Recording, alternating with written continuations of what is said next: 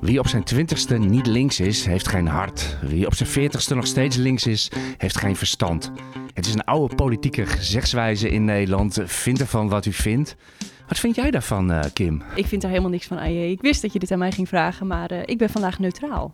Niels, hoe zit jij in deze wedstrijd? Ik ben altijd neutraal, hè, dat weet je. Jij zit ook precies in het midden van die spread, hè, van 2040. Uh, nou, 29 ben ik inderdaad. Ja, dus ben jij, een neutra ben jij een neutraaltje. Ik ben 55, dus ja, hopeloos denk ik. Uh, mag je verder zelf invullen.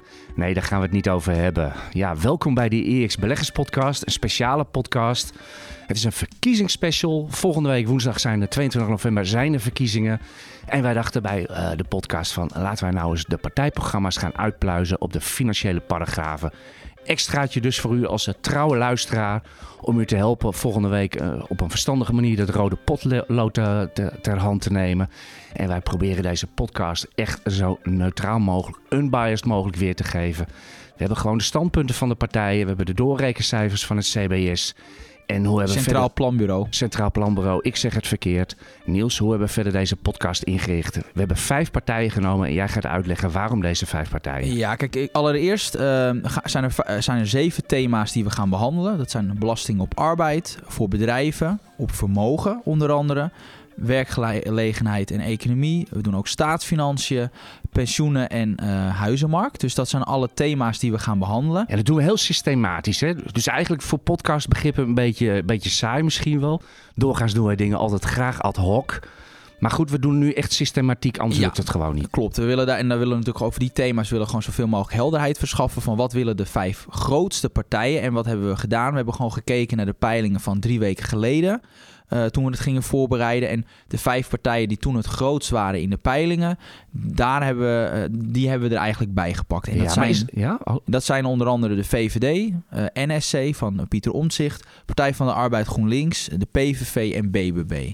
Maar wacht even, daar hebben we, als ik goed tel, we vier rechtse, of drie rechtse, één centrumpartij, één linkse. Is dat eerlijk? Nee, ik, ik denk dat, dat als je echt zou moeten Ik denk VVD is al redelijk naar het midden, maar is rechts van het midden. NSC is gewoon een middenpartij. Dat geldt ook wel voor BBB. En dan uh, PVV is altijd lastig om, om in te schalen. Economisch wat meer links, op migratie, cultureel meer rechts. En dan natuurlijk gewoon de echte linkse partij, uh, Partij van de Arbeid GroenLinks. Dus ik denk dat we een heel, ook die vijf, dat het een hele mooie mix is van het politieke spectrum. Ja, had, er niet iets nog bij gemoeten van, van misschien D66, Socialistische Partij, Volt, Partij van de Dieren? Kijk, dat, dat is natuurlijk leuk om te doen. Alleen D66 op dat moment was uh, vijf zetels in de peilingen. Uh, wat, ik geloof ook Volt vier. Ja, dat, dat is te klein om, om te behandelen. Ik verwacht ook niet dat die in een regering komen. Dus, en van deze vijf partijen zijn er echt wel minimaal drie... Die, die van de vijf die in een regering zullen komen. Ja, Kim, jij hebt dit allemaal uit zitten zoeken, allemaal uit zitten pluizen. Al die partijprogramma's. jij, geeft bij, jij geeft bij elke onderwerp geef jij eerst een introductie van hoe het nu is en het, al, het algemene, algemene beeld. En ja, dan moet ik natuurlijk iedereen ook even voorstellen. Kim, Kim Bergsma is een nieuwe stem misschien in de eh, Beleggerspodcast. Jij produceert altijd deze podcast, je neemt hem op. En je hebt ook voor deze podcast werkelijk waanzinnig veel huiswerk zitten maken. Klopt. Want het was een ongelooflijk werk eh, om dit allemaal uit te zoeken. Al die partijprogramma's uit, te, spit, uit te spitten. En Niels, jij bent er ook hele weekenden aan kwijt uh, geweest. Wat mij is opgevallen, ik heb uiteraard zoals gewoonlijk weer het minste werk gedaan. maar ik mag hier weer mooi weerspelen achter de microfoon. Wat mij opviel bij al die partijprogramma's, ik ben belegger, ik ben altijd op cijfers en minder op mooie, mooie woorden. He, Niels en ik hebben ook altijd uh, het motto van wij beleggen in kaststromen en niet in mooie verhalen. Ik kwam bijvoorbeeld in het VVD-partijprogramma, toch rechtse partij, kwam ik behalve de paginanummering niet één cijfer tegen. 85 pagina's. Jij begint te lachen, Niels. Ja, nee, ik, ik, ik, ik snap dat. Alleen wat je vaak ziet, um, is dat die cijfers pas komen bij de doorberekening van het Centraal Planbureau. Um, wat het namelijk is, is die alle partijen die hun programma's laten doorberekenen door het Centraal Planbureau, willen een beetje goed komen uit die modellen. En als je dan in het verkiezingsprogramma al aan gaat geven hoeveel je op bijvoorbeeld X wil bezuinigen, hoeveel je wil investeren in, in, in, hè, in, in B, dan als dat verkeerd uit die modellen uh, komt, dan kun je dat niet meer fine-tunen. Uh, en als je dat dus niet concreet bent in die verkiezingsprogramma's, dan kun je dat op een later moment dat nog, uh, nog aanpassen. En dat is de reden waarom je dus in die verkiezingsprogramma's nauwelijks cijfers ziet. En wel als je kijkt naar de doorberekeningen van het Centraal Planbureau. Kijk, niemand leest die doorberekeningen van het Centraal Planbureau. Maar Behalve een, jij. Ja, ik vond dat een heel interessant uh, document. Echt waar. Veel interessanter dan de verkiezingsprogramma's van de ja, partijen. Ja, dat vind ik ook. Ik heb de aantekeningen allemaal gezien. Die, ja, bij die sommen kom ik pas uh, tot leven. En die ga je uitgebreid behandelen ja. in, uh, in deze podcast. Oké, okay, ik denk genoeg vooraf. Nog even om de hele introductie af te maken. We hoorden al even Kim Bergsma, redacteur van IX.nl. Niels Koert, aandelenanaliste van, uh, van IEX. En je bent ook best wel een politiek dier. Uh, ik, ik, noem mezelf, ja, ik noem mezelf ook wel een politieke junkie. Daarom uh, hebben we het okay. ook wel geïntroduceerd, denk okay, ik. Ik ben, ik ben, ik ben Arendt Jakamp, marktcommentator van EX.nl.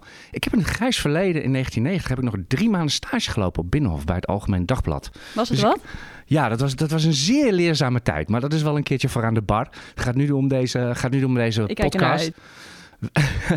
ja, dan ga je wel lachen. Ik heb mooie anekdotes. In ieder geval, ja, toen werd Bol Bolkestein werd partijleider van, uh, van de VVD. Zo lang is dat geleden. Uiteraard nemen we deze podcast op niet op het Binnenhof, maar gewoon op het ouderwetse Damrak. En ik denk dat we maar moeten gaan aftrappen. Waar gaan we mee beginnen, Kim? En uh, Ja. wat heb je allemaal te melden? Ja, we beginnen met belastingen op arbeid. Uh, het Nederlandse stelsel voor inkomstenbelasting kent een progressief belastingtarief. Er zijn drie schijven met verschillende tarieven, waarbij het tarief van de derde schijf hoger is dan het tarief van de eerste twee schijven. Je betaalt dus procentueel meer belasting naarmate je meer verdient. Tien jaar geleden, in 2013, kende het Nederlandse stelsel nog vier schijven. Dat zijn er nu dus drie. En hedendaags betaal je over inkomsten vanaf ongeveer 73.000 euro zo'n 49,5% belasting. Wat zijn de plannen van de vijf grootste partijen? Als ik dit, uh, als ik dit lijntje op zijn beurzen doortrek, komen we uiteindelijk uit op 100% nieuws met één schijf, of niet? Nee, nee, maak je maar daar geen zorgen om. Want uh, ik, ik heb toevallig ja, in een, nou niet eens zo'n grijs verleden ooit bestuurskunde gedaan. En daar, uh, ja, het wordt misschien wat technisch, maar heb ik ooit geleerd de Laffer curve. En dat houdt in dat bij een tarief van meer dan 52% op arbeid gaat de inkomsten van de overheid omlaag, omdat mensen minder gaan werken. Dus daarom is eigenlijk dat tarief ook nooit hoger dan die 52% geweest van de grootste dat, schijf. dat is ooit meer dan 70 geweest. Oké, okay, ja, in ieder geval... Ja, in een heel grijs verleden. Oké, okay, ja, nee, ja. maar dat werkt dus niet. Dus, uh, maar ja, goed, als we nu op dat punt belasting op arbeid komen... Uh, het brede plaatje is dat uh, alle partijen de belasting op arbeid willen verlagen. Dat, van de VVD tot de Partij van de Arbeid GroenLinks. Um, ook het minimumloon moet omhoog. En, maar waar wel dan de verschillen zitten is dat de, er zijn partijen die dus willen dat met name de derde schijf, dus de mensen die het meest verdienen, meer moeten betalen. Uh, en de mensen die dus aan de onderkant zitten, uh, minder.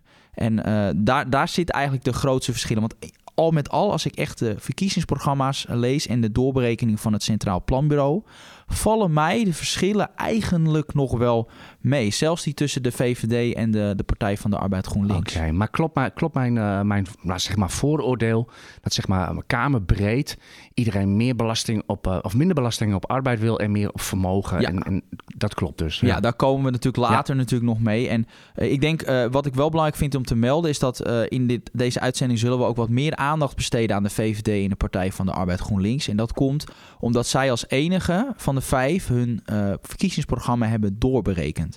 En daardoor kun je ook wat meer concreet ingaan op, uh, op de partijen. Dus, uh, dus als, als, ik gewoon, als ik gewoon begin met, met de VVD... Ja, wil ik nog even toevoegen ja. dat in het partijprogramma van, uh, van Pieter Omtzigt... laten we zo maar even noemen... die hadden zelf al veel getallen en sommigen gegeven. Ja. In tegenstelling tot de andere partijprogramma's. Nee, dat klopt. Dus dat, dat is inderdaad zo. maar goed, niet doorberekend. Maar goed, trap maar af. Wat wil de VVD? Ja, kijk, um, de VVD wil dat zowel in de eerste schijf... de belasting fractioneel omlaag gaat... en dat, um, ja, dat het tarief in, van de derde schijf relatief gelijk blijft. Dus daar is niet heel veel verschuiving. Um, dus, dus, dus, dus daar zit niet heel veel verschil in met hoe het nu is. Um, wel willen ze van de toeslagen af. Dat willen eigenlijk ook alle partijen. Dus die willen allemaal van de toeslagen af. Uh, de manier waarop is natuurlijk wel verschillend. Uh, eigenlijk vind ik NSC van Pieter Omzicht daar nog het meest concreet in. Die zeggen dat ze een soort echt een speciale commissie willen hebben die dat gaat voorbereiden. Omdat dit iets is ja, wat heel erg uh, lastig is om te bewerkstelligen. Dus daar moet je wel echt een speciale, wat hem betreft, een speciale parlementaire commissie voor hebben. Ja, de PVV is wat minder uh, ja, duidelijk daarin. Uh, ook als het gaat om ja, wat ze nou met de belastingtarieven willen. Want ze, ja, ze zeggen daar in feite niks over. Behalve dan dat ze het minimumloon willen verhogen. That's it. Eh, en bij BBB, en dat is, vond ik wel een interessante, die willen de eerste 30.000 uh, belastingvrij. Alleen hoe ze dat moeten betalen, dat gaven ze eerlijk toe dat ze dat nog niet weten. Dus, dus, dus dat is wel een vrij terugkerend thema. Ja, wie gaat het betalen? Nee, en ik denk de grootste verandering zit hem bij de Partij van de Arbeid GroenLinks. Want die willen dus ehm, voor de hoogste inkomens, de derde schijf, willen ze de belasting naar 60% hebben. Um, Ondanks dus, wat ik altijd geleerd heb, als je naar 60% gaat, dan ga je dus daar minder inkomsten uit, uh, uit genereren. Uh, maar dat wordt dus voor lief genomen, omdat dan deze partij duidelijk kiest voor kleinere inkomstenverschillen. Ook al gaat dat ten koste van, uh, van de belastinginkomsten. Oké, dus zeg maar echt, echt een politieke keuze. Ja, dus, ja. dus dat klopt. Maar al met al, wat ik al zei, uh, hier willen de partijen dus relatief hetzelfde. Dus af van de toeslagen, belasting met name voor de, ja, de mensen die wat minder verdienen omlaag. En de, ja, de toptarieven of gelijk of wat, wat omhoog. Dus, dus dat is denk ik het, het brede plaatje van dit onderwerp. Oké, dat was ons inkomen. Wij zijn natuurlijk beleggers. Daar gaan we maar even voetstoots van uit dat u het allemaal bent als u, als u luistert. Kim, hoe, gaat het eh, met, uh, hoe zit het met de belastingen voor bedrijven? Want dat heeft natuurlijk een vergaande volgen voor ons beleggers natuurlijk. Ja, bedrijven zijn eigenlijk de banenmotor van Nederland. Uh, toch zien we vanuit de samenleving en politiek een toenemende wens om bedrijven zwaarder te belasten. Ja, gaan de vijf grootste partijen in de peilingen hierin mee? En welke maatregelen stellen zij voor? Ja, ja de belastingen voor bedrijven. Kijk, waar we net zeiden... Waarom moet je daarom lachen? Nou, omdat op arbeid waren de verschillen niet zo groot. Maar voor bedrijven zijn de verschillen tussen de onderlig, uh, verschillende partijen, met name links en rechts, zijn echt wel heel groot. Um, het, e-, het, is wel zo dat alle partijen de belastingen voor bedrijven willen verhogen, van de VVD tot de Partij van de Arbeid GroenLinks. Alleen de mate waarin daar zitten de grote, zitten de grote verschillen. Bijvoorbeeld de VVD wil de komende vier jaar een lastenverzwaring van 1,4 miljard uh, voor bedrijven. En dat zit er met name in het feit dat uh, de verliesrekening voor bedrijven met een winst van meer dan 1 miljoen, dat ze daar ja, wat, uh, dat ze dat aanscherpen. Daar zit hem dat in. Ja, dus geen vennootschapsverhoging. Nee, dus de, nee, klopt. Dus de, de lasten bij bedrijven gaan bij de VVD 1,4 miljard omhoog de komende vier jaar. Maar bij GroenLinks, Partij van de Arbeid, komen we uit op 25 miljard. En dat is natuurlijk wel een heel groot verschil. Ja, hoe willen ze die, hoe willen ze die binnenhalen? Ja, daar zit, daar zit, zij hebben echt, ja, ik moest echt uh, behoorlijk scrollen door, het, uh, door de doorberekening van het Centraal Planbureau. Want het was me toch een waslijst met belastingverhogingen die er aankomen. Ik heb, ik heb de belangrijkste een beetje op een rij willen zetten wat de Partij van de Arbeid GroenLinks willen. Eén willen ze de vennootschapsbelasting omhoog van 25,8% naar 30%. In één keer? Uh, ja, in één keer. Zo, ja. uh, verliesverrekening van winsten boven de 1 miljoen moet ook beperkt worden tot 30%. Dus je, dat, ze willen dat niet meer dat je dat volledig kan verrekenen. Ook het MKB komt er niet altijd even goed van af, want de winst, MKB-winstvrijstelling wordt afgeschaft. Uh, een tweede maatregel, en die vond ik ook wel interessant, dat is uh, ja, de partij uh, introduceert een eigen risicodragerschap voor werkgevers voor het eerste jaar WW. Dat betekent dat als iemand in de WW gaat, dat die kosten niet meer van, voor de, ja, voor de, van de overheid zijn, maar voor de, voor de werkgevers. Dus dat is echt wel een significante lastenverzwaring. Uh, die zij voorstellen. En dat is ook iets dat we dus nu nog niet hebben. Want nu is het zo dat je daar premie voor betaalt. En als je dan iemand in de okay, WW wordt daar uitgegaan uitgegaan van een zekere grootte van het bedrijf? Of is het zeg maar van eenmanszaak van iemand die iemand nee, aanneemt dat, tot en met... Uh, dat geldt voor, voor alles okay. en iedereen. En ja. dat is echt wel een lastenverzwaring van bijna 4 miljard. Dus dat is echt veel geld. Uh, tevens zijn, is ook de Partij van de Arbeid GroenLinks... Zijn, willen natuurlijk dat meer mensen in vaste dienst gaan. En hoe doen ze dat? Door uh, met name flexibele uh, arbeidscontracten minder aantrekkelijk te maken. En dat komt bijvoorbeeld door het invoeren van een opdrachtgeversheffing voor uh, bedrijven die opdrachten verstrekken aan ZZP'ers. Dus, ja, en dus hoeveel daar... is dat dan? Uh, ik had dat niet opgeschreven. Ik geloof wel dat was wel, ik geloof wel een percentage van, maar ja, dat. dat Significant percentage? Nou ja, jawel. Ja, dat, ja. Dat, dat gaat wel. Die lasten gaan daardoor wel omhoog. Dus, uh, en uiteraard de bankenbelasting, wat we al hebben gehad. En ook eentje wat ze wilden was een belasting van 2% in box 1 over even, het banken, ondernemings... Banken betalen al gewoon belasting. Moeten ze dan extra belasting betalen? Is dat ja, het er komt een speciale uh, bankenbelasting aan. En, en ook nog een keer een verbod op financiering van fossiele uh, projecten. Verbod echt? Hard ja. verbod. Oké. Okay. Ja, dus, uh, dus, dus dat. En oh ja, en tot slot, ja, dan, ja, het is een hele waslijst van maatregelen. Willen ze ook nog een extra werkgeversheffing? Ah, ja, daarvoor van... maken we deze podcast, ja. Niels. Om mensen een beetje inzicht te geven in... ja Tot slot ook nog die extra werkgeversheffing van 15% bij salarissen boven de 216.000 euro. Dus dat was ook, daar halen ze. Ja, dus het is echt wel een, een heel omvangrijk pakket uh, voor bedrijven. En de Partij van de Arbeid gebruikt dat geld dan weer om deels dus de, uh, nou zo ook, dat zal ik later natuurlijk meer vertellen, meer, meer geld naar de overheid, dus meer ambtenaren te betalen, maar ook belastingen op, op inkomen te verlagen. Dus, dus dat is een hele duidelijke keuze. Als we dan gaan naar NSC, BBB en PV, die zijn dus iets minder dat kan concreet. In één zin.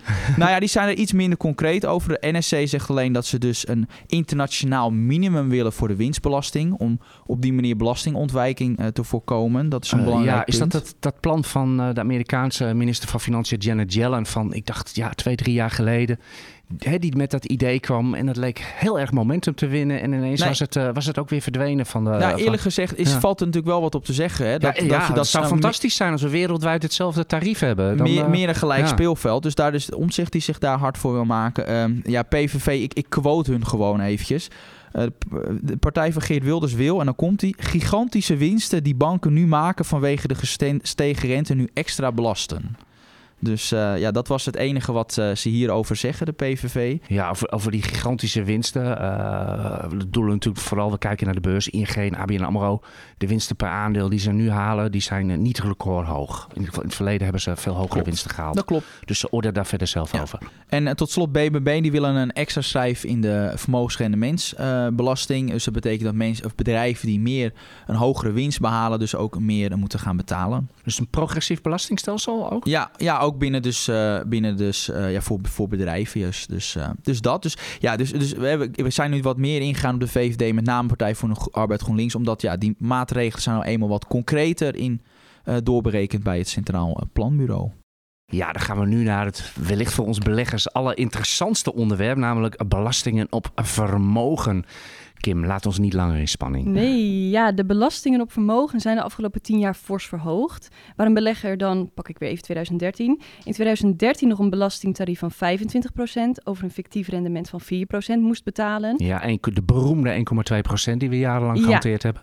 Loopt het belastingtarief volgend jaar op tot 36% over een fictief rendement van 6,2%. En hoeveel is dat? Dat is meer dan 80% erbij. Maar ga maar verder, Kim. Ja, vanuit de politiek is daarnaast ook nog een wens eh, om zwaarder te gaan belasten en met de opbrengst daarvan de belasting op inkomen te verlagen. Ook is het doel van het demissionair kabinet om in 2027 een nieuwe box 3-regeling in te voeren en te belasten op basis van werkelijke rendementen in plaats van fictieve rendementen. Wat vinden de vijf grootste partijen? Ja, Niels, eh, is het niet zo'n kwestie van, eh, goed, we gaan netto meer overhouden en dat moeten we dan maar ook gaan beleggen, omdat we anders onze rendementen niet op peil houden? Nee, ja, kijk, het, het, is wel gewoon, en dat is een algemene trend, maar ook vanuit de samenleving is er toch de wens om, eh, om, om arbeid minder te belasten en vermogens meer. En dat zien we dus ook terug in het beleid van de afgelopen tien jaar. En ook in de, in de programma's zie je toch wel heel duidelijk dat, eh, ja, dat de belastingen op vermogen waarschijnlijk de komende jaren nog eh, verder omhoog gaan. Want daar is wel redelijke consensus over van de partijen dat de belastingen op vermogen nog verder omhoog moeten. Zit hier ook, zulke groot, zit hier ook niet zulke grote verschillen in als, als, als, we, net, eh, als we net hadden? Eh, jawel, zeker. wel? Oké. Ja, jawel. Ehm, er zit, eh, dan is wel weer een mooie links-rechts vergelijking. De VVD wil het, eh, de belasting op vermogen en winsten eh, willen ze gelijk houden ten opzichte van het basispad. Dus eigenlijk wat het demissionaire kabinet al had afgesproken. Dat willen ze niet, dat willen ze niet nog meer verzwaren. Help ons even herinneren, hoe zien die cijfers eruit? Ja, dat is onder andere dat dit jaar dat tarief omhoog gaat van 32% naar 36%, wat Kim net al zei. Dus, dus de, de VVD zegt in feite, we vinden nu dat eh, op vermogen nu genoeg voldoende is belast. Eh, na, na de verhoging die dus komend jaar wordt doorgevoerd. De Partij van de Arbeid GroenLinks daarentegen, we hadden het net al over dat ze, wat was het, 25 miljard al extra willen bezuinigen op, voor, hè, extra willen ophalen bij bedrijven. Ja. Wacht, Ook wacht even, je, je ja. gaat nu van VVD naar Partij van de Arbeid. Verder geen maatregelen van, nee, van de verder VVD? niet. Nee, weinig. Ja, het is natuurlijk ook gewoon een, de grootste partij altijd geweest. En ja, zij zijn het Ja, ik, vraag met dit dit ook beleid. nadrukkelijk, omdat natuurlijk van, van, eh, over PvdA, GroenLinks, VVD kunnen gewoon het meeste zeggen, omdat die programma's echt zijn doorgerekend. Ja. En nogmaals, wij zijn van de cijfers, Ja. dus vandaar even deze En onderbreking. daarom kom ik nu inderdaad bij die Partij van de Arbeid GroenLinks. Kijk, waar de VVD zegt liever niet meer meer. Uh, Partij van de Arbeid GroenLinks zegt dus nog een keer 26 miljard aan lastenverzwaringen. Voor, uh, ja, willen ze uit vermogen halen en winsten. Dus, uh, en, en daar zijn wel een aantal concrete maatregelen die Partij van de Arbeid GroenLinks noemt. En dat is onder andere een vermogensrendementsheffing van 49% Waarbij er geen rekening wordt gehouden met inflatie. Dat is een belangrijke om te noemen.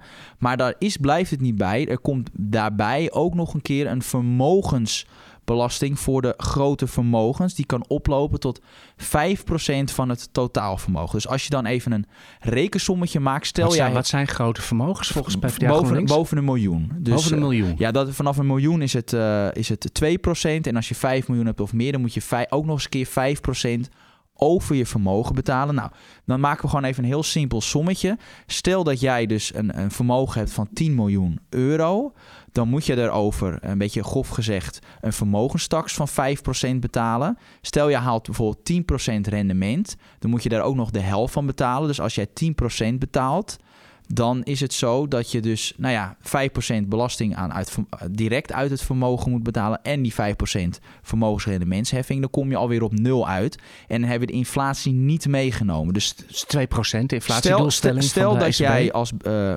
vermogende van 10 miljoen uh, je vermogen echt na aftrek van inflatie van 2% gelijk wil houden, moet je dan een, no, een bruto rendement van 14% behalen. Dus dat betekent 14%, 14%, want je neemt natuurlijk de beleggingskosten, dat soort dingen natuurlijk ook ja, mee. Ja, gewoon, gewoon inderdaad een, ja. een opbrengst van 14%. Dat betekent de helft belasting is 7 plus 5% vermogensbelasting, kom je op 12 uit. Nou, 14% min 12 is 2, dan heb je net de inflatie gecorrigeerd.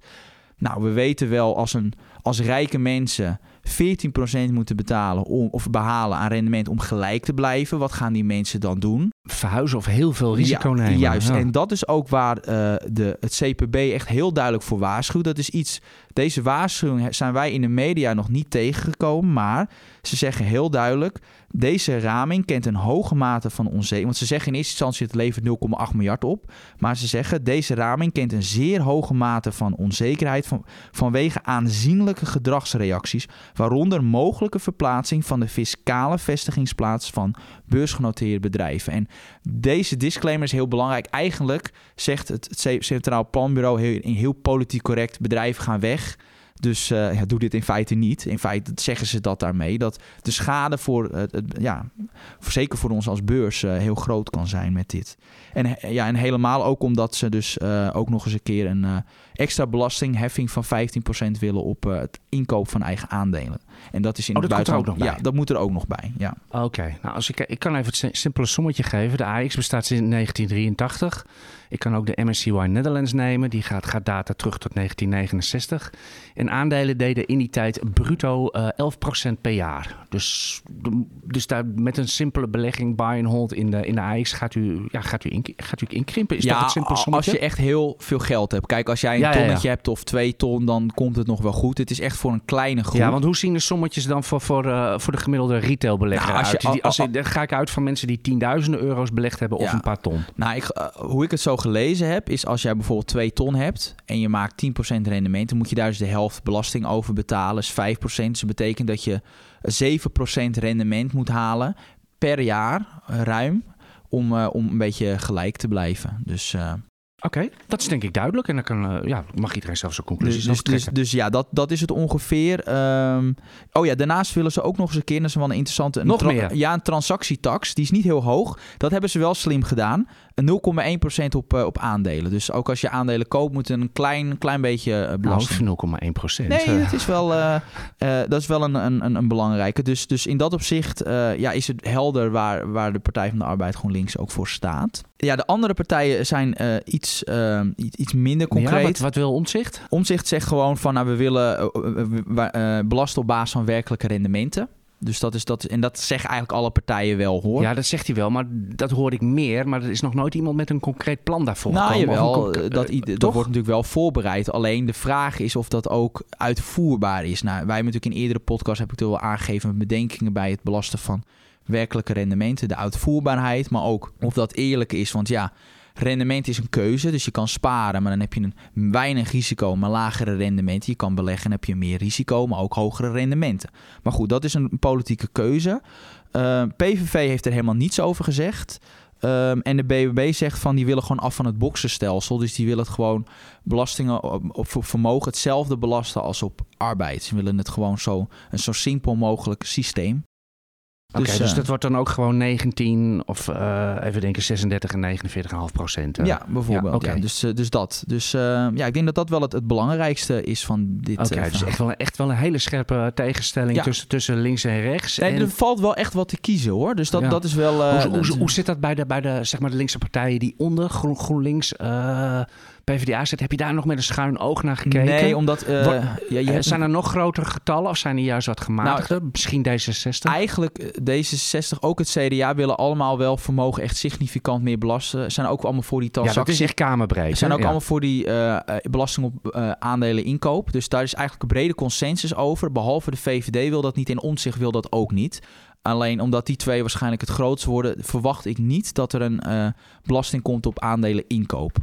Dus, uh, want Omtzigt zegt er heel duidelijk: ja, ik zou het eigenlijk wel willen belasten. Ik vind het eerlijk om het te belasten. Alleen bedrijven gaan weg. En dat is iets wat, wat hij niet wil. Dus... Ja, dat, dat is natuurlijk heel relevant. Al die bedrijven die hier uh, genoteerd zijn. Er staat nu ook punten, een grote uh, Spaanse bouwer hier, hier vol, uh, vol te gaan op het Damrak. Ja, die gaan dan waarschijnlijk met dit soort maatregelen natuurlijk nog wel even nadenken. Ja, maar dan Nederland... op het moment dat, dat inderdaad, dan, uh, inderdaad het belasten op aandeleninkoop echt zwaarder wordt belast, of wordt dan, dan zal er echt een uitstroom van uh, met name onze AX-fondsen. En dan zal de AX eigenlijk een verkapte mid-cap-index worden. Dat is wat ik verwacht. Maar goed, daarom, ik, ik, mensen hoeven zich. Mensen, ik als Jeetje, analist Niels. verwacht niet dat het gaat gebeuren. No worries. Ik denk dat het, maar uh, geen garanties uiteraard. ik denk dat het... Uh, hebben, we dit, hebben we dit onderwerp zo uitputtend behandeld? Want ja. dit is natuurlijk waar we allemaal op zitten te wachten als beleggers. Oké, okay, ik zie zelfs Kim uh, knikken. Dan mag jij het volgende onderwerp gaan inluiden. Wat hebben, wat ja. hebben we nu? Nou, iets minder spannend denk ik. Maar goed, ook, ook belangrijk. Werkgelegenheid en economie. Over de afgelopen tien jaar was een flinke afname in het aantal werklozen te zien in Nederland. Zo waren er in 2013 tussen de 750 en de 800.000 mensen werkloos, een percentage van ongeveer 8%.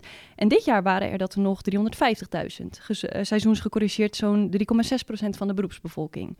Ja, wat opvalt is dat de grootste groep werklozen niet alleen dit jaar, maar ook dus tien jaar geleden, vooral bestaat uit 15 tot 25-jarigen.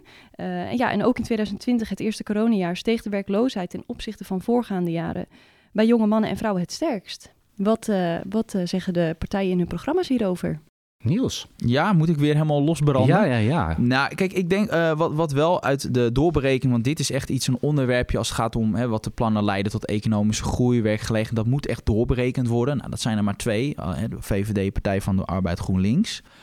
Wat opvalt bij deze twee partijen is dat uh, het werkloosheidspercentage bij, alle, uh, bij beide partijen gaat dalen en de koopkracht van de mensen allebei omhoog. Dus dat is in principe goed nieuws. Alleen, er zit wel een verschil in beide partijen van welke banen worden gecreëerd. Want de VVD kiest natuurlijk relatief gezien meer voor private banen. En de Partij van de Arbeid GroenLinks kiest meer juist voor de, uh, voor de overheidsbanen. En uh, omdat zij daar veel in investeren, meer overheidsbanen, valt ook de werkloosheid in 2028 volgens de modellen van het Centraal Planbureau van de Partij van de Arbeid wel lager uit dan bij uh, dan de VVD. Dus je zou eigenlijk kunnen zeggen: de Partij van de Arbeid GroenLinks creëren het meeste werkgelegenheid op korte termijn. Want ook hier heeft uh, het Centraal Planbureau wel een, een, een disclaimer bij de Partij van de Arbeid GroenLinks. Uh, en ook iets wat we nergens horen, maar ik vind hem wel leuk om daarom dat wel uiteraard te benoemen. Want omdat zij juist echt kiezen voor die publieke banen om dat aan te jagen, zegt het CPB, dat de effecten... Ja, uh, wacht even, ja. spitsen ze dat ook toe? Wat voor publieke banen willen ze dan scheppen? Uh, dat weet ik niet uit mijn hoofd. Het is gewoon meer publieke sector. Ja, het gaat om onderwijs, maar ook uh, meer ambtenaren. Uh, ja, gewoon dat verhaal. Ehm, en het CPB zegt dat de effecten van de plannen op de uh, lange termijn een ander effect hebben op de werkgelegenheid dan op korte termijn. En bij de Partij van de Arbeid zeggen ze letterlijk.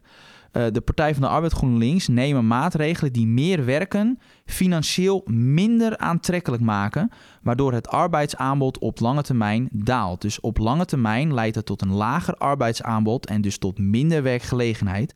Daarnaast geldt dat de positieve werkgelegenheidseffecten die worden veroorzaakt door banen in de publieke sector op termijn verdwijnen doordat verdringing optreedt van banen in de marktsector. Dat is een hele belangrijke disclaimer die, uh, die Centraal uh, Planbureau noemt. Ik ben hem nergens nog tegengekomen. Het is toevallig ook altijd wat ik geleerd heb bij bestuurskunde, dus ik, ja, ik kan het beamen.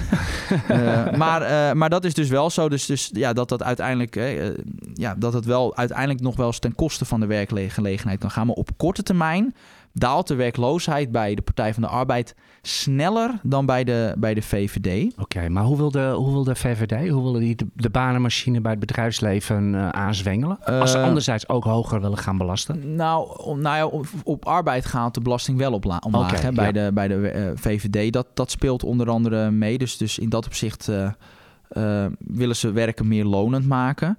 Uh, economische groei gaat ook wat, wel wat vooruit. Maar uh, ja, dat is gewoon, gewoon het belangrijkste. Dus ook niet heel veel verschillen met wat we nu doen. Kijk, we moeten niet vergeten, de VVD heeft 13 jaar in een regering gezeten. Dus dan kun je niet van de VVD verwachten... is dat ze ineens met hele andere plannen gaan, gaan uh, komen. Dus, dus daarom zie je ook dat wat zij willen relatief weinig afwijkt... van wat er nu al gebeurt. En bij de Partij van de Arbeid en GroenLinks wijkt dat dus wel veel af. En omdat NSC, PVV en BBB het niet hebben laten doorrekenen, kunnen we daar ook helaas uh, over de werkgelegenheidseffecten en effecten op economische groei kunnen wij ook niet, uh, ja, daar kunnen we gewoon niks over zeggen. Echt helemaal niks. Nee, ja, dat is, dat, dit zijn echt dingen die doorberekend moeten worden. Ja, wat, wat zijn eigenlijk de, de algehele macroplaatjes? Wat zijn de scenario's van, van, van die sommen? Wat voor economische groei wordt er uitgegaan? Ja, um, dus dan, ja, dan kunt u misschien zelf ook een beetje een idee nou, vormen van hoe realistisch dit allemaal is. Ja, de, de economie groeit sowieso de komende jaren naar verwachting. Wat bij de VVD zou de economie. Ja, ja, zou de, e- bij de VVD zou de economie 0,2% sneller groeien dan het basispad. En bij de Partij van de Arbeid zou dat, uh, was dat nog meer. Ik ben even helaas vergeten dat percentage te noemen. Maar dan zou de economie, weet ik nog, sneller groeien dan bij de VVD. Maar dat is dan wel weer op korte termijn. En dit is ook weer zoiets. Uh, ja, heb je net uitgelegd, ja. Ja, maar ik, één dingetje wat ik wil toevoegen. De lange termijn effecten kan de, het Centraal Planbureau... hadden ze niet de tijd voor om dat door te berekenen. Dat komt omdat de regering relatief onverwachts viel... en daardoor hadden ze daar minder tijd om, uh, om, dat, uh, om zich voor te bereiden op die verkiezingen. Dus dat zul je zo ook zien bij staatsfinanciën, dat sommige partijen daar wel gebruik van hebben gemaakt. Oké, okay, dat is. Je kan het toch weer niet laten om even een politiek duidingje te nou, Eigenlijk alle partijen. Dus dan kies ik geen kleur, maar alle okay. partijen maken daar gebruik van. Ja, maar van. nogmaals, mijn vraag aan jou was: wat, wat, wat is het basisscenario van de economie voor de komende vier jaar? Is dat een bescheiden groei? En... Ja, bescheiden groei. Ik heb ja. nu helaas niet het exacte percentage, maar er werd geloof ik, ja, ik dacht 2% of zo uit mijn hoofd. Maar ik weet het niet oh, exact. Oké, maar dan moet hij wel, dan moet hij natuurlijk wel gerealiseerd worden. En, maar ja. dat, uh, dat kunnen dat kunnen we alleen maar afwachten. Uh, ja, en dan een volgende onderwerp, uh, Kim. Dat uh, zal ook, ik denk dat de meeste van ons allemaal wel een eigen deurtje hebben, of niet? Huizen. Ja, we gaan naar de huizenmarkt. Voor veel mensen is het tegenwoordig lastig om een woning te vinden die aansluit bij hun financiële mogelijkheden. Ook groeit het aantal huishoudens de komende jaren fors. Daarom zet de overheid in op de bouw van 900.000 woningen tot en met 2030 en een groei van de bouwproductie naar 100.000 woningen per jaar in deze kabinetsperiode. Het doel is om 50.000 midden- en 250.000 sociale huurwoningen te faciliteren en 300.000 middenhuur- en betaalbare koopwoningen te verzorgen. Daarnaast zullen er 300.000 overige woningen beschikbaar komen, althans als we de plannen van het kabinet moeten geloven. Momenteel, ik was nog niet klaar, je. Sorry. Momenteel ligt de gemiddelde verkoopprijs van een woning, even ter illustratie, uh, rond de 430.000 euro. En tien jaar geleden was dit eigenlijk ja, bijna nog de helft, 220.000 euro. Met de komst van vluchtelingen, de vermeerdering van huishoudens en de hogere levensverwachting rijst dan de vraag: hoe gaan partijen dit woningtekort oplossen? Ja, een miljoen huizen, dat heb ik vaker gehoord de afgelopen uh, jaren uh, nieuws. En daar staat altijd uh, weer een, meestal wel weer een na krantenberichtje aan wat er nu weer allemaal voor toestanden waren, nee, waardoor die, bouwvergunningen niet, storten in, noem het allemaal op.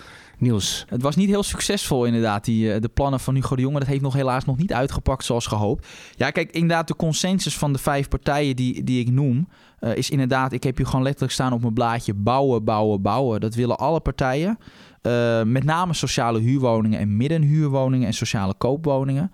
Dat zijn echt wel uh, bij alle partijen waar, waar ze op willen inzetten. Wat, wat, uh, wat zijn sociale koopwoningen? Want iedereen plakt de prijs op zijn huis die ja, die hoopt te krijgen. In de ja, markt. dat is. Ik geloof dat je dan. Ik, ik, ik, heb, ik, ik weet ongeveer hoe dat werkt, maar dan kun je geloof ik via een bepaalde korting kun je die woning krijgen. Eh, en dan als je een x aantal jaar in woont, dan, nou, dan is dat van jou dat voordeel. Dus eh, weet niet exact hoe dat in, in elkaar steekt. Maar er zijn mensen die zo'n sociale koopwoning kunnen kopen. Omdat ja, dat ze gewoon een soort van korting op de woning krijgen. ja. En als je dan weer verkoopt, moet je dan ook een percentage afstaan? Of, of weet je dat toevallig? Nee, als je dan een x aantal jaar inwoont, dan is het gewoon, eh, dan hoef je dat niet meer terug te geven aan de overheid. Dus eh, ja, goed, je kunt daarvan vinden wat je wil. eh, want je zou kunnen zeggen, hè, maar goed, dat is waar de over. In ieder geval wat ik wilde zeggen, de concreet willen de partijen gewoon bouwen en dan met name voor sociale huurwoningen, middenhuurwoningen en goedkope. Ja, de, getal, de getallen zijn duidelijk. Oké. Ja. Wat wil de VVD? Nou, de, de VVD kiest eh, voor het bevriezen ook van de huren in de sociale huurwoningen. Dus dat is niet. Eh, die, de beroemde jaarlijkse huurverhoging eh, in Ja. juli? Ja, en ze willen een hogere huurtoeslag. Ehm, en ehm, ja, ook zelfs, ja, dat klinkt gek uit van de VVD. Je, zou denken, het is echt een rechtse partij. Maar er staat letterlijk in, echt meer sociale huurwoningen. Aan de andere kant zeggen ze er ook bij dus dat ze zowel dat het een, ze willen een mix dus en meer sociale huurwoningen en meer gewone koopwoning en ook de duurdere woning is ook eh, in de vrij, eh, vrije sector is ook eh, Ja, en wat vindt, het CPB daarvan? Hebben die daarnaar gekeken? Ehm, nou, dat is niet echt zo'n onderwerpje dat Nee, echt werd door, door, werd, door, doorberekend. Je moet het gewoon echt met de intenties van de partijen doen. Hè? De, de, de mooie woorden. Ja, en bij de VVD tot slot natuurlijk, ze willen die eh hypotheekrenteaftrek willen ze natuurlijk behouden. Dat willen natuurlijk niet alle partijen. Die hypotheekrenteaftrek is altijd een belangrijk onderwerp bij veel mensen die een koopwoning hebben.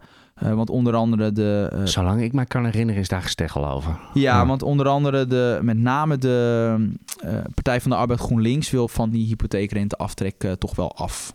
In één keer? Of Nou, halveren van de, van, de, van, van de hypotheekrenteaftrek binnen vier jaar. Dus dat is best wel stevig. Maar dat is dus wat. eh, ja, dus dat is wel een verschil tussen VVD en GroenLinks. Oké, ik ging heel soepel van VVD naar PvdA GroenLinks. Eh eh, wou je nog iets zeggen over de VVD? Of gaan we ja, maar dat was het wel. Dus, hè, dus, dus eigenlijk wil het gewoon. VVD wil overal bouwen eigenlijk. Dat is een beetje waar het op neerkomt. En bij de Partij van de Arbeid GroenLinks willen ze dus, nou wat ik al zei, die minder hypotheekrenteaftrek. Ehm ook strenge meer regulering in de huursector. Zowel ehm, vrije eh, sector als ehm, bij sociale huurwoning willen ze meer reguleren. Dus dat, dat, dat met name, ze willen ook in de vrije sector dat de huren niet sneller kunnen stijgen dan de inflatie. Of niet sneller dan eh, de, de, de loonontwikkeling in het Oké, eh, maar geen, geen bevriezing van de huren dus. Ehm, niet dat ik gelezen heb. Ik denk, het zou wel kunnen dat het bij sociale huurwoningen geldt, maar niet zozeer bij de vrije sector. Dat, dat, dat niet, maar wel meer regulering. Eh, en ook ze willen die huurtoeslag willen omhoog. Dus aan de ene kant zeggen ze we willen af van het toeslagenstelsel, maar het huurtoeslag moet wel omhoog. Dus, eh, dus dat. Eh, en oh ja, en meer, minimaal 40% van de nieuwe woningen die wordt gekocht moet sociale huur zijn. Dat is wel een verschil met bijvoorbeeld de VVD die zegt dat moet ongeveer 30% zijn. Dat zegt NSC van Omzicht zegt ook 30% sociale huur, meer middenhuurwoningen en dan nog wat, wat sociale koop. Dus, eh, dus eh, de betaalbare woning, zegt, zegt, eh, zegt NSC ook, dat moet twee derde zijn van het aantal nieuwe woningen. En dat vindt BBB bijvoorbeeld ook. Dus, dus ja, wat ik al zei, echt een consensus voor de goedkopere woningen, dat daarop moet worden ingezet. Oké, en, en PVV ook? Of bij, bij, bij Ja. BBB wel even? Ja, PVV zegt meer sociale huur, huurtoeslag omhoog. Ja, Hoeveel? meer, meer woningen voor de Nederlanders. Wordt allemaal, wordt allemaal, wordt niet, wordt allemaal niet kwantitatief Nee, geduid. nee, eh, nee, nee, nee. Het is zo vrij kort. eh, eh, als, als iedereen het verkiezingsprogramma van de, van de PVV had gehad, dan hadden we wat minder tijd hoeven te stoppen in het voorbereiden ervan. Weinig cijfers. En ook, ja, ik vind ik, ja, meer woningen voor de Nederlanders, dat staat er ook bij. Dus geen voorrang voor statushouders bij toewijzing van sociale huurwoningen. Oké, dat, dat, is, dat is ook duidelijk. En als Dus, u, ja, tot slot, als u, ook, als u een hekel heeft aan warmtepompen, is de PVV ook een goede keu- keuze. Want daar willen ze helemaal daar willen ze vanaf. Er moet een verbod op komen? Of nou, gewoon mee stoppen, zeggen Oké, ze. gewoon, mee, gewoon mee stoppen. Ja, dan nog even iets. Nog, de, tot slot is van mij. eh, zeggen die partijen ook... hè, we hebben dat gezien, die, die, die 100.000 woningen per jaar. We zijn belangen na niet in de buurt gekomen de afgelopen jaar. Zeggen ze ook nog bij van hoe ze dat dan wel willen gaan realiseren? Van- Ja, of, ik bedoel, we gaan bouwen. Dat kan ik ook in een partijprogramma zeggen. Maar als, Ja, ze willen wel eh, ehm, ook meer in buitengebieden. Dat is wel, dat is wel een consensus over dat, dat, dat daar ook wel ehm, ja, randstedelijk bouwen. Ook meer in het, eh, in het groen. Dus daar kan wel.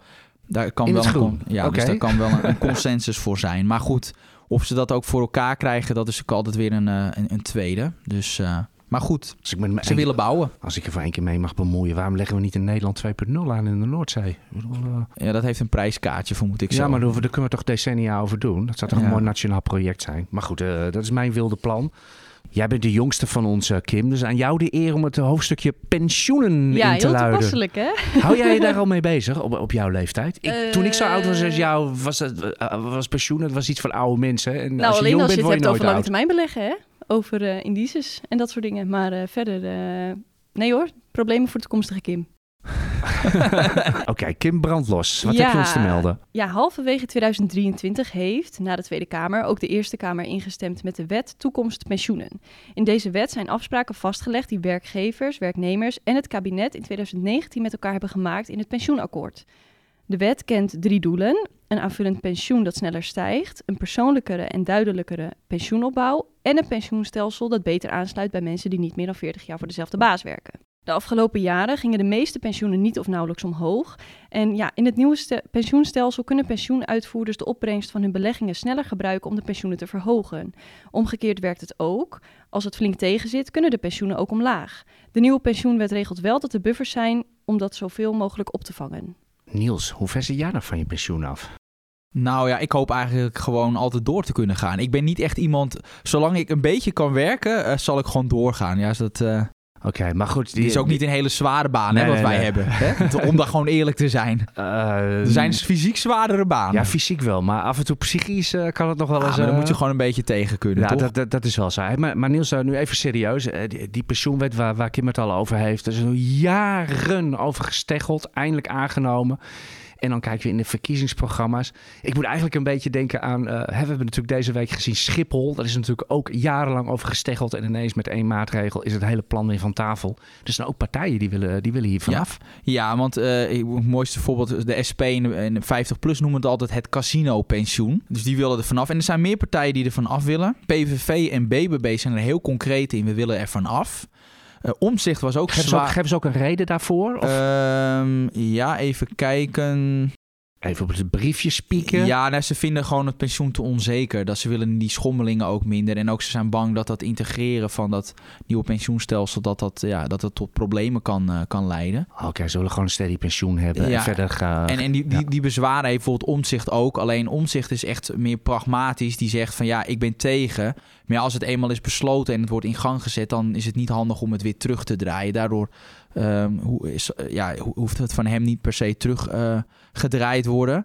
Geworden, ja. Eh, Maar hij wil wel toe naar een persoonlijk pensioenvermogen. Ja, nou, dat is wel... Ja, geeft hij ook aan hoe? Ehm, ja, zo diep moet ik, dan moet ik gewoon eerlijk in zijn. Als er één onderwerp is waar ik de minste kennis van heb, dan is het pensioen. Dus hoe die maatregelen, jouw er, leeftijd. hoe die maatregelen er, er exact uitzien, dat weet ik, dat weet ik dan niet. Ehm, maar in principe, ja, meer een persoonlijk pensioen is wel iets ja, waar ik wel redelijk voor kan zijn. Ja, dat ja, je dan ook meer zelf beslissingen kan nemen hoe je waar je in wil beleggen. Want dat is iets wat BBB ook zegt van. Eh, die vinden ook dat mensen meer te zeggen moeten hebben over wat, waar pensioenfondsen geld in beleggen. Want een mooi voorbeeld is dat het ABP is bijvoorbeeld uit Shell gegaan. Nou, BBP, of eh BBB... Wij, wij hebben echt onvoorstelbaar veel mails gehad van mensen die er heel boos over waren. Ja. ja. En BBB zegt ook van ja, eh, die zijn er ook op tegen dat zo'n pensioenfonds ineens bepaalt van hey, dat jij dus in feite niet in eh, fossiele industrie mag beleggen. Want er zijn best wel veel mensen die dat wel in willen beleggen. Dus, eh, dus daar zijn wel, ja, dus daarom is zo'n persoonlijk pensioenvermogen helemaal niet zo gek. Ja, dat, dat, dat is heel prettig. Je zou zeggen, ik ben 55. Ik weet het allemaal haar fijn hoe dat zit met die pensioenen. Maar ik beleg zelf mijn pensioen. En eh, ja, dat is heel makkelijk. Ik zit gewoon bij zo'n pensioenuitvoerder. Ik log in op mijn account en ik zie hoeveel ik heb en hoeveel ik straks ga hebben. Ik zie het gewoon in één oogopslag. Dus dat is zo ontzettend makkelijk. En ik denk dat de gemiddelde werknemer werkelijk waar geen idee heeft hoeveel die maandelijks afdraagt aan zijn pensioenfonds. Hoeveel die heeft, hoeveel die gaat krijgen. Klopt, klopt dat een beetje, Niels? Ja, nee, dat is, dat is vaak ook wel zo. Dus, eh, dus ja, het is gewoon een heel belangrijk onderwerp. Ik vond wel leuk, de AOW. Er is nog steeds één partij die zegt dat de AOW terug moet naar 65. Nou, dat kun je wel raden, AJ. Ja, dat zal de PVV wel zijn. Zeker, eh, dus, zijn, eh, het eh, staat er zeggen de andere partijen daar iets over? Nou, ehm, over het algemeen zeggen ze wel gewoon dat het moet meegroeien met de, de levensverwachting. Dus dat is wel een, een belangrijke. eh, Ga- gaan we niet ju- juist toe naar, naar... Misschien is dat al wel zo dat iedereen een beetje voor zichzelf wel bepaalt wanneer hij of zij met pensioen wil. nou, dat is dus wat de VVD. dat, heb dus, ik, dat heb ik zelf ook, jij dat, ook. Dat Ja. zegt bijvoorbeeld de VVD ook. Dat die zeggen van, die vindt ook bijvoorbeeld dat, dat je een mogelijkheid moet hebben om de AOW vijf jaar later in te laten gaan en dat je dan meer krijgt. Dus dat is eh, belangrijk. En ook, ehm, dat is wel een belangrijke. keuzevrijheid dus, ja. Ehm, ehm, wat de VVD ook belangrijk vindt, is dat er wordt gestopt met die gedwongen leeftijdsontslag. Want eh, ze zeggen in feite, ja, een werknemer moet gewoon zelf bepalen wanneer die wil, eh, wil stoppen. Oké, dus het is niet zo, ik geloof nu, wat is het, 67 jaar, Ja, 9 een maanden beetje, of zo, ja. zoiets, dat je dus automatisch ontslagen wordt. Ja. En ja, ik, weet je, ik moet daarbij altijd aan mijn moeder denken. Die is in de jaren 50 getrouwd. En toen werd je nog automatisch ontslagen als je vrouw was. Als je ging trouwen, werd je automatisch ontslagen. Ik zie je kijken, Kim. Ja, ik rol met mijn ogen. Ja, dat was echt zo. Dat heb ik ook bij pensioen. Ik, ik bepaal toch zelf al wanneer ik de beurs niet meer leuk vind en achter de Ja. geraniums ga zitten. Maar goed, eh, dus, dus dat. eh, toch, wordt- even, toch even die persoonlijke intermezzo. Kan er wordt nog niet echt ehm, gezeten aan, eh, aan het pensioen als het gaat om het fiscaal minder aantrekkelijk maken. Want nu is het zo dat als je natuurlijk het geld dat je inlegt, dat kun je dan natuurlijk eh, aftrekken van de belasting Ja. bijvoorbeeld. Eh, daar wordt nog niet aan getornd. Alleen Volt wilde dat. Die wilde dat meteen afschaffen. Nou, dan haal je heel veel geld op. Maar goed, dat is echt één klein partijtje die dat wil. Eh, dus dus in, daar, wordt nog wel, daar blijven ze nog wel relatief van af. Ehm, dus dat is wel het belangrijkste. Oh ja, en NSC zegt ook indexatieregels versoepelen. Dus dat we hebben nu relatief vrij strenge regels. Het gaat om indexatie, dat we toch relatief re- rekenen met lage ehm, ja, rekenrente, waardoor die Ja, maar is er een verschil tussen versoepelen en zeg maar freestylen? Ja. Is, is daar iets gedetailleerd over? Want dit, dit is wel heel algemeen. Ja, versoepelen. Ja, dus ik, hoe kan je dat, alle kanten mee nou. Kijk, hoe dat echt exact technisch in elkaar steekt, dat weet ik dan niet. Maar eh, Oké, en dan, dan, dan nog even VVD en PvdA. De, echte sommetjes, heb je die nog? Ja, nou, ja, als het gaat om eh, de sommetjes. eh, oh ja, ja, dat is een belangrijke verplichte pensioenopbouw voor ZZP'ers, vindt de Partij van de Arbeid GroenLinks. Dus, eh, dus tot een inkomen van 80.000 moeten, moeten mensen, als, ook als je ZZP'er bent, willen de, wil de Partij van de Arbeid GroenLinks echt dat dat, ja, dat, je, dat dat verplicht wordt. Ik geloof dat ook het kabinet dat al had besloten. Eh, maar goed, we gaan nu weer te maken krijgen met die nieuwe regering. Dus we moeten even kijken ja, er waar zal dat toe gaat leiden. iets over in een nieuwe regering. er zijn veel ZZP'ers zijn daar niet blij mee, want die willen dat gewoon eh, zelf bepalen. Oké, ik denk dat we naar het aller, allerlaatste onderwerpje toe gaan. Vroeger, ik als, eh, ik als oude boemer, eh, ging het altijd over de staatsfinanciën, over de precieze gaten in de begroting. Noem alles maar op. Ik kom dat de laatste jaren helemaal niet meer tegen. Kim, wat kan jij zeggen over wat de partijen willen met onze eh, financiële Nou, huishouding? daarover kan ik niks zeggen, maar ik ga het wel even kort inleiden, zodat Niels er weer wat over kan zeggen. Ehm, ja, de staatsfinanciën. Ten opzichte van de andere Europese landen heeft Nederland een relatief lage staatsschuld. De huidige schuldquote bedraagt dit jaar 47,6% van het bruto binnenlands product, het BBP, en daalt volgend jaar naar verwachting tot 47,3%. Het begrotingstekort loopt volgend jaar echter op tot 3,0% van het BBP. Sterker nog, bij ongewijzigd beleid loopt het tekort in 2028 op tot 3,6% en dat is boven de Europese norm van 3% Zijn de partijen bereid om het tekort de komende jaren af te laten nemen? En zo ja, welke bezuinigingsmaatregelen treffen zij? Ja, Nou Niels, dat zijn de, ja, het zijn de bekende Maastricht-normen van weleer. Is dat verdrag niet uit 91 of 92, als ik me goed herinner. Een land mag maar maximaal 60% schuld hebben van het, van het BBP. En de begrotingstekort mag niet hoger zijn dan 3% klopt. per jaar. Ja. Eh, ik kijk naar de eh, schuldquotes van Italië, België, ja die, die landen hebben daar iets meer moeite mee. Griekenland. Nee, dat klopt. En ik, we hadden het in het begin van deze uitzending ook over de trucjes die eh, de partijen doen met de doorberekening van het Centraal Planbureau. Nou, dit onderwerp is juist ik perfect. zie je glunderen. Ja, ja, ja want, want wat het Centraal Planbureau had aangegeven is... kunnen de lange termijn effecten niet... Daar hadden ze geen tijd voor om dat door te berekenen. Dus wat ga je dan doen als partij? Ja, dan heb je er niet een belang bij om dat eh, tekort te laten terug te lopen. Want ja, je weet toch die lange termijn effecten, ja, die worden niet doorberekend. Daarom zie je ook dat zowel de VVD als de Partij van de Arbeid GroenLinks... gewoon dat tekort relatief hoog houden op 3% van het, eh, van het BBP. Dus eh, daar, daarin verschillen de twee partijen die het hebben laten doorberekenen helemaal niet zoveel. Dus eigenlijk nemen de partijen heel weinig maatregelen om dat tekort echt significant ja, terug te laten lopen. Eh, dus, dus dat is wel echt een belangrijk, belangrijk punt. En dat zou je bij een VVD als ja, zou je dat wel anders verwachten. Maar dat, ja, daarin zijn ze. Ja, die waren ooit van het kloppende huishoudboekje. Echt, echt letterlijke quotes bijna. Ja. ja, en zeker omdat we nu in een periode zitten van vrijwel volledige werkgelegenheid. En juist in een periode waarin de werkgelegenheid optimaal is, zou je juist als overheid eigenlijk geen schulden, uh, of tenminste geen tekorten mogen hebben. Want op het moment dat het economisch slechter gaat, waarin er dus meer mensen een uitkering krijgen, minder werkenden die belasting betalen, dan heb je de mogelijkheid om die tekorten te laten oplopen. Maar nu zie je dit dus... is gewoon Keynes, toch? Ja, gewoon dit... echt spenden in slechte tijden en op de rem in goede tijden. Nou, en nu zie je dat het andersom gebeurt. En zeker in een periode van hoge inflatie en, uh, en een vrijwel volledige werkgelegenheid, moet je als overheid op de rem strappen. En er is eigenlijk geen partij die dat doet. Dus, uh, dus dat Wappert is echt het CPB misschien ook met een uh, vingertje of niet? Nee, want dat is natuurlijk weer te politiek. Hè? Okay. Ze, ze, willen natuurlijk zo neutraal uh, mogelijk zijn. Maar ik, ik, ik ben gewoon persoonlijk vind ik dat wel tegenval. Ik vind dat een rechtse partij als de VVD op dit punt juist veel strenger zou moeten zijn. En zou moeten zeggen: nee, we willen maximaal 1% tekort in, in, de, in deze tijd. Maar dat, dat doen ze niet. Daar kiezen ze niet voor. Z zijn er ook aan, aan, misschien aan de rechterkant partijen die heel streng in zijn? Nee, Nee, dat, is eigenlijk, nee, dat is eigenlijk geen. Ook, dus ook eigenlijk, eigenlijk is dat ook wel een beetje uh, kamerbreed dan. Ja, uh, ook, ja. maar dat komt omdat hier ook niet. De, het debat gaat hier ook niet over. Dus, nee. Uh, en, nee, net wat ik zeg. Ik begon de introductie al van vroeger ging het daar alleen maar over. Hoe ja, groot mag dat en, en het woord bezuinigen zijn? is gewoon een, een, vies woord in, in Den Haag. maar goed, wij gaan het wel noemen, want er zijn wel.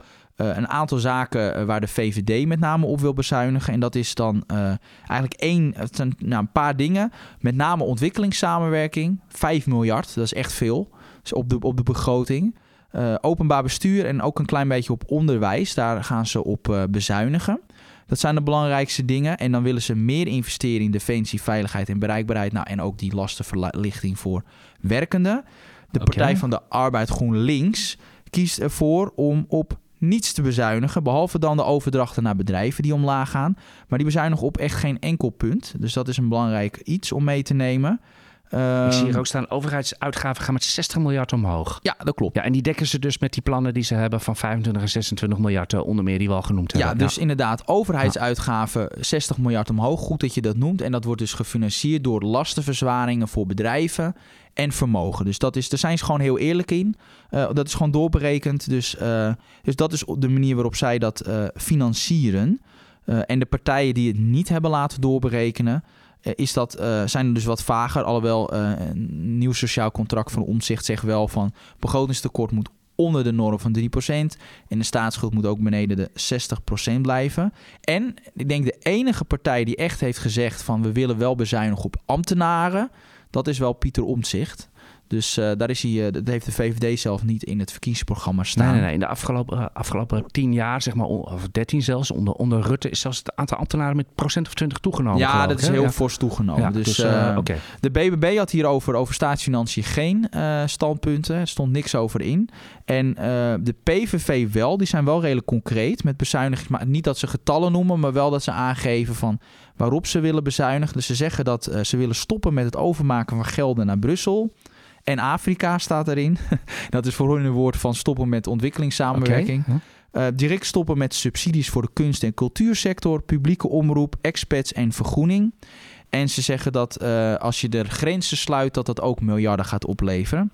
En ze willen dat het klimaat... Maar, ook, maar geen sommetjes nee, die dat onderbouwen. En ze willen nee, dat het klimaat- en stikstoffonds uh, verdwijnt.